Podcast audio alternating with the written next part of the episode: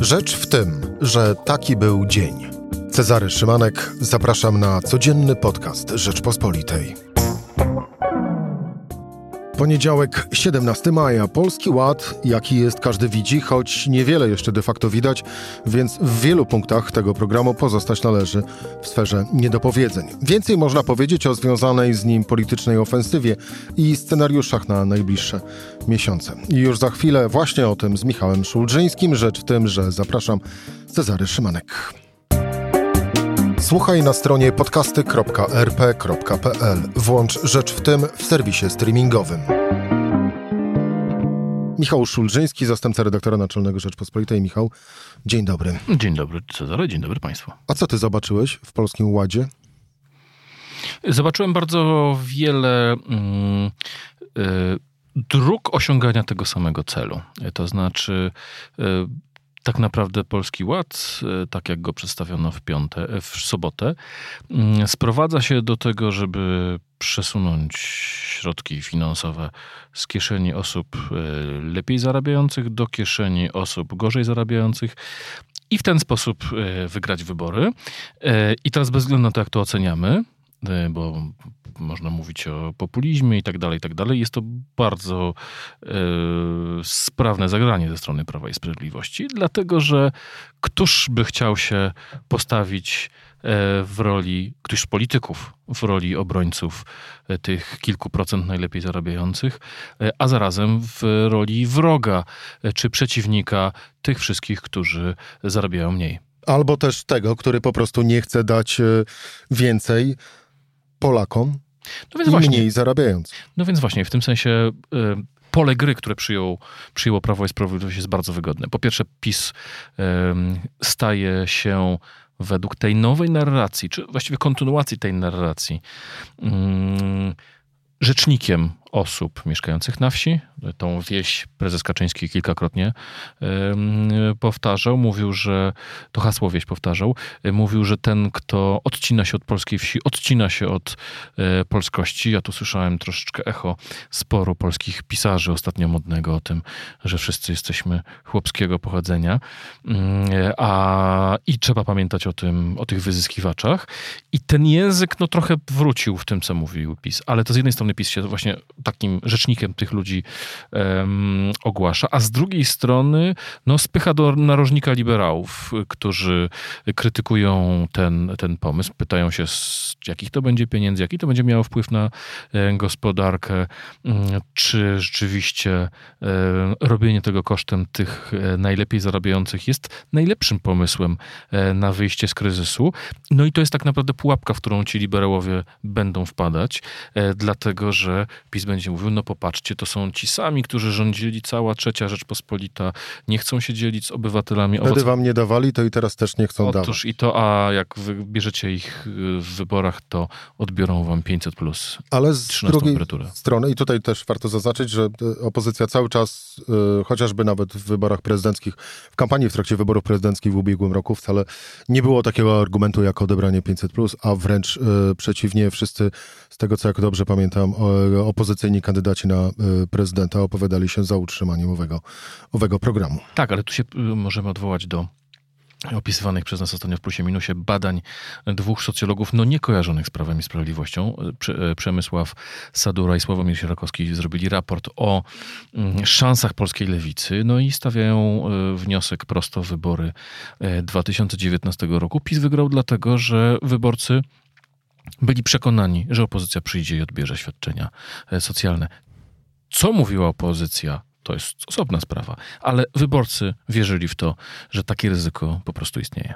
Zatrzymajmy się chwilę e, na e, owej dyskusji, która od soboty, czyli od momentu prezentacji Polskiego Ładu, programu Prawa i Sprawiedliwości przetacza się zarówno przez media społecznościowe, jak i również zapewne w wielu normalnych normalnych dyskusjach, e, no bo też normalność powoli, e, powoli wraca. Tu mam na, na myśli otwarcie e, chociażby restauracyjnych ogródków. Mm, odnoszę takie, że Prawo i Sprawiedliwości tak naprawdę w tej dyskusji nie ma, a jedyny bój, jaki się toczy, to bój toczy się na opozycji między lewicą a liberałami. Ten aspekt, na który zwróciłeś na początku, czy jak gdyby e, pomiędzy tego pytania, e, pomiędzy wierszami, czyli dotyczące, dotyczące tego, co się dzisiaj dzieje, e, powiem ci, że jest powodem strasznego bólu głowy opozycji. Nie mówię tu o sporze pomiędzy Platformą a Lewicą, tylko to, co się dzieje na ulicach. Ta erupcja entuzjazmu społecznego. To przekonanie bardzo wielu ludzi, że no, rozmawiamy z wieloma osobami, które e, się zaszczepiły. To poczucie mm, lęku, który ustąpił po wielu miesiącach pandemii, plus rozpoczęcie działalności ogródków kawiarnianych, to, że można pójść na lody z dziećmi. To, że nie trzeba ma nosić maseczek. To, że nie trzeba nosić maseczek, to jest rzecz dla opozycji niezwykle niebezpieczna, e, dlatego że e, tym, co było sojusznikiem opozycji w ostatnich czasach, było niezadowolenie obywateli z działań rządu w sprawie pandemii. To nie znaczy, że obywatele teraz nagrodzą rząd za to, co się stało, ale te nastroje społeczne będą raczej sprawiały, że Rozmawiałem dzisiaj z jednym z polityków opozycji z, z, z koalicji obywatelskiej. On mówi: No, Boimy się teraz tego, że ludzie będą się głównie zajmowali teraz ratowaniem swoich biznesów, swoimi ogródkami, działkami i tak dalej, tak życiem. Swoim życiem, a nie polityką. E, I w tym sensie to jest, mm, e, to jest ryzyko dla opozycji. Drugie to jest to, o którym powiedziałeś, czyli spór wybuchł pomiędzy e, lewicą a platformą. Lewica powiedziała, no ale jeżeli PiS realizuje lewicowe postulaty, to dlaczego mamy ich nie popierać? Platforma na to zaczęła krytykować to właśnie dokładnie z pozycji e, liberalnych. I e, Jarosław Kaczyński mógł tylko zacierać ręce, bo nie dość, że to, co powiedział w, e, w sobotę, podsyca społeczny podział na tych biedniejszych i bogatszych, na tych z miast i na tych z metropolii, ale jeszcze opozycja podzieliła się dokładnie według tego, według tego podziału. Mm, I no, nie chcę mówić tutaj o makiawelicznych y, jakichś cechach prezesa Kaczyńskiego, bo też nie przeceniajmy go. To nie jest tak, że to wszystko zostało z góry ukartowane. To się trochę dzieje też, też przy okazji, ale odbija się w tym wszystkim, w tym całym sporze kwestia, którą mamy nieprzemyślaną z ostatniego czasu. Wspomniałem ten spór historyków o potomkach szlachty i potomkach chłopów, dlatego że ten spór pokazuje, że bardzo wielu kwestii naszej tożsamości mamy nieprzemyślanych. To znaczy e, chociażby tego, że jesteśmy dzisiaj społeczeństwem podzielonym na klasy. I to jest fakt, że jest klasa wyższa, to jest fakt, że jest klasa, jak nazywają socjologowie, ludowa. Mamy pomiędzy tym jakąś klasę średnią e, i PiS po prostu podsyca spory klasowe, nie używając w ogóle języka klasowego. Ale dopóki nie zdamy sobie z tego sprawy, że są ludzie tacy jak robotnicy, są ludzie tacy, którzy pracują e, w hipermarketach, supermarketach, sprzedają w, w kasie albo rozkładają towar na półkach. I ich interesy są po prostu różne od interesów adwokatów, prawników, menedżerów i tak dalej.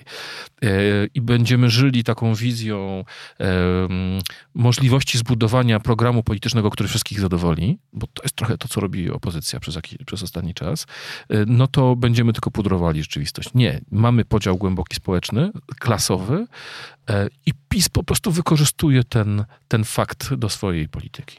Michał, e, odwołam się do tego, e, do początku tej części wypowiedzi, do tych pierwszych słów, a mianowicie mm, do tej budzącej się i pojawiającej się coraz większej radości wśród no, nas po prostu, zwykłych ludzi, wszystkich zwykłych ludzi, w związku z tym, że gdzieś być może na horyzoncie właśnie jest ten koniec owego nienormalnego czasu y, pandemii.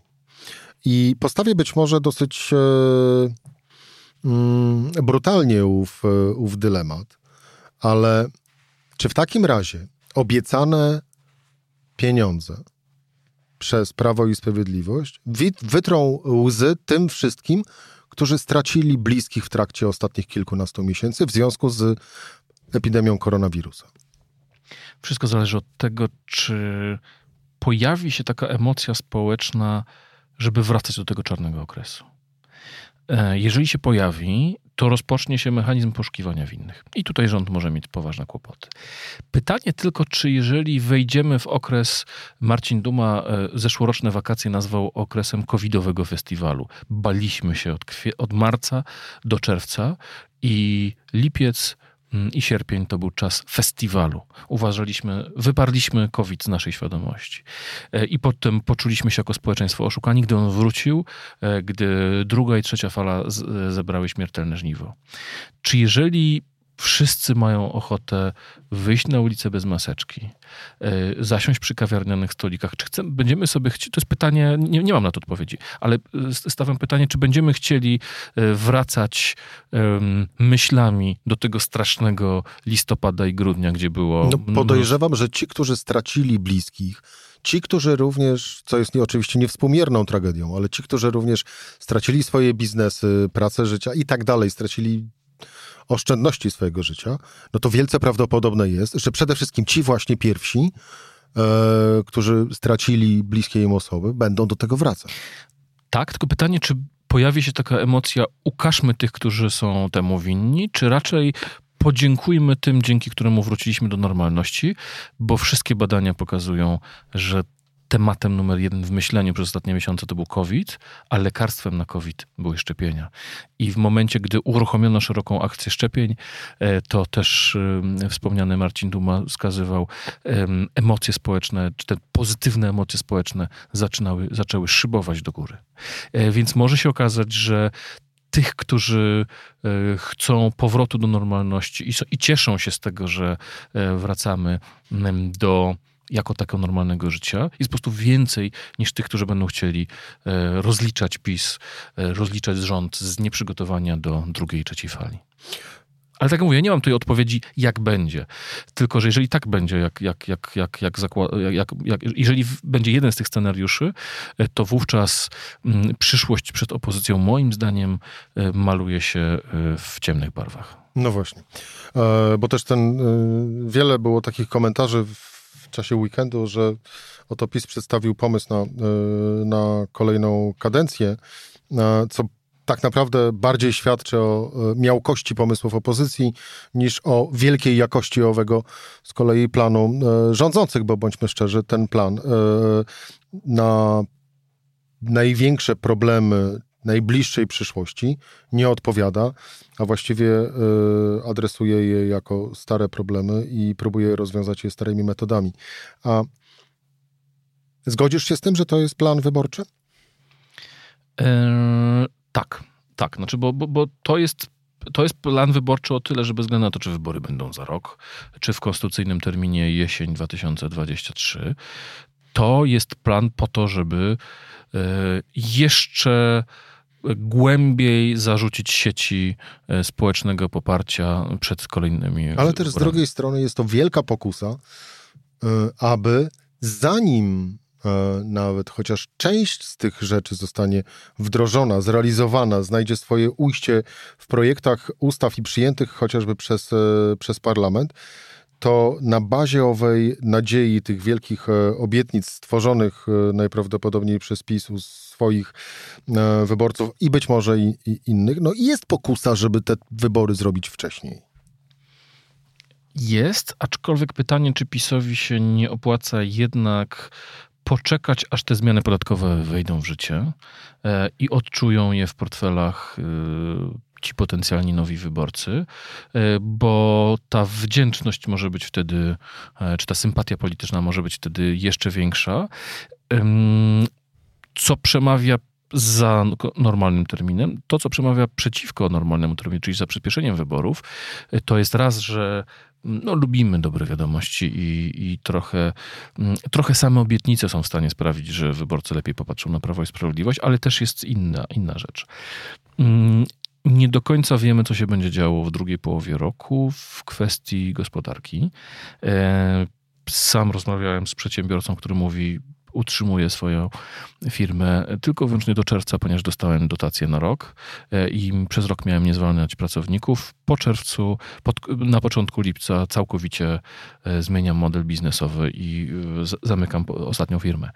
Mm, nie wiemy, czy wy, gdy wyczerpią się wszystkie tarcze, jak będzie wyglądała sytuacja gospodarcza. To jest pierwszy punkt. Drugi punkt to jest to, czego w programie PiS, PiSu nie ma. I to jest rzecz, która moim zdaniem byłaby dla opozycji szansą na zmianę narracji. Nic, nie, nie, chodzi mi o to, że chcę doradzać opozycji, ale to, czego mi zabrakło najbardziej, to jest yy, wizja państwa. PiS nie przedstawił żadnej wizji budowy e, państwa, za wyjątkiem jednej centralnej zasady, czyli im coś bardziej scentralizujemy, tym, tym jest lepiej. Jeżeli szpitale działają źle, to podporządkujemy szpitale w Ministerstwo Zdrowia. To był sposób działania e, PiSu przez wiele miesięcy. Nie działała, no, okazało się centralna, e, nie, nie, nie działała Agencja Rezerw Materiałowych, podporządkujmy ją premierowi, nazwijmy ją Rządowa Agencja Rezerw Strategicznych. Wszystko było narodowe, wszystko było podporządkowywane rządowi, nawet koła gospodyń wiejskich e, zostały upaństwowione przez specjalne dotacje, które, które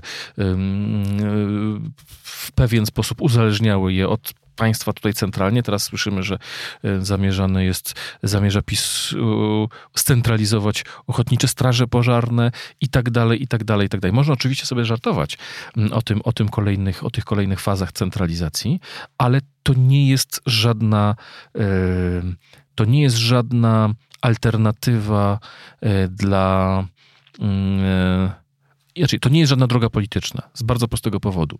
Każdy z nas, kto e, śledzi rozwój technologiczny, rozwój cywilizacyjny, widzi, że nasze życie z każdym miesiącem, z każdym rokiem staje się coraz bardziej skomplikowane. Gospodarka jest coraz bardziej skomplikowanym mechanizmem. Technologie są coraz bardziej skomplikowane i tak dalej. E, jeżeli chcemy, jedynym pomysłem, który mamy, to jest nacentralizowanie państwa, no to musielibyśmy zbudować jakieś gigantyczne państwo z gigantyczną liczbą urzędników z gigantycznymi kompetencjami, które tym wszystkim będzie zarządzać. Nie. Tak państwa nie wyglądają. E, nawet nowoczesne państwa, państwa na, na, na, na Zachodzie. I teraz, e, no, no, jaka jest propozycja PiSu? No, zbudujmy narodowego czempiona, niech będzie ten Orlen znany na całym świecie. Ale tak popatrzmy tak po ludzku. Czy to jest taki rocket science, żeby kupować ropę naftową, dawać ją do rafinerii i sprzedawać potem benzynę. No, na ile innowacyjną firmą jest firma, która kopie węgiel albo kopie miedź, e, to są te największe polskie czempiony. I, I to jest to, czego mi najbardziej w tym zabrakło, czy wizji, jakie państwo ma być, jaka ta gospodarka ma być. E, a to nie jest tak, że pan premier, nawet z premierem Kaczyńskim, siądą i na kartce napiszą rozwijać się będą te i te gałęzie gospodarki, a te i te będą przyszłościowe, a te i te będą innowacyjne. Choć premier Morawiecki używał słowa, które przyznam szczerze pamiętam z dzieciństwa, mówił o pięciolatkach. I nie chodziło o uczniów, tylko o plany gospodarcze pięcioletnie. Tam w ogóle jest bardzo dużo y, sentymentu za czasami chciałoby się powiedzieć słusznie minionymi, znaczy mówimy słusznie minionymi, no ale e, niestety e, ten sentyment za nimi e, wraca. Mi z kolei, skoro tak już osobiście i na koniec najbardziej zabrakło jednej podstawowej rzeczy, a mianowicie jak my będziemy sobie radzić w tej rzeczywistości kryzysu klimatycznego. Michał Szulżyński kiwa głową, czyli się zgadza. To znaczy premier użył raz słowa smok I przez K na końcu. Smog przez G na końcu. O ten wstrętny smog. E, natomiast to była jedyna rzecz, której kwestie się pojawiły. No oczywiście powiedzmy sobie szczerze. Smog to nie kryzys klimatyczny. Chodzi o e, to, że na końcu musiał się pod tym wszystkim podpisać Zbigniew Ziobro, a Zbigniew Ziobro uważa, że najlepszą receptą na kryzys klimatyczny jest zamknięcie odnawialnych źródeł energii i produkowanie całego prądu z węgla. Michał Szulżyński, zastępca redaktora Naczelnego Rzeczpospolitej, e, był moim gościem. Dziękuję Ci bardzo. To była Rzecz w tym w poniedziałek. Cezary Szymanek. Do usłyszenia jutro o tej samej porze.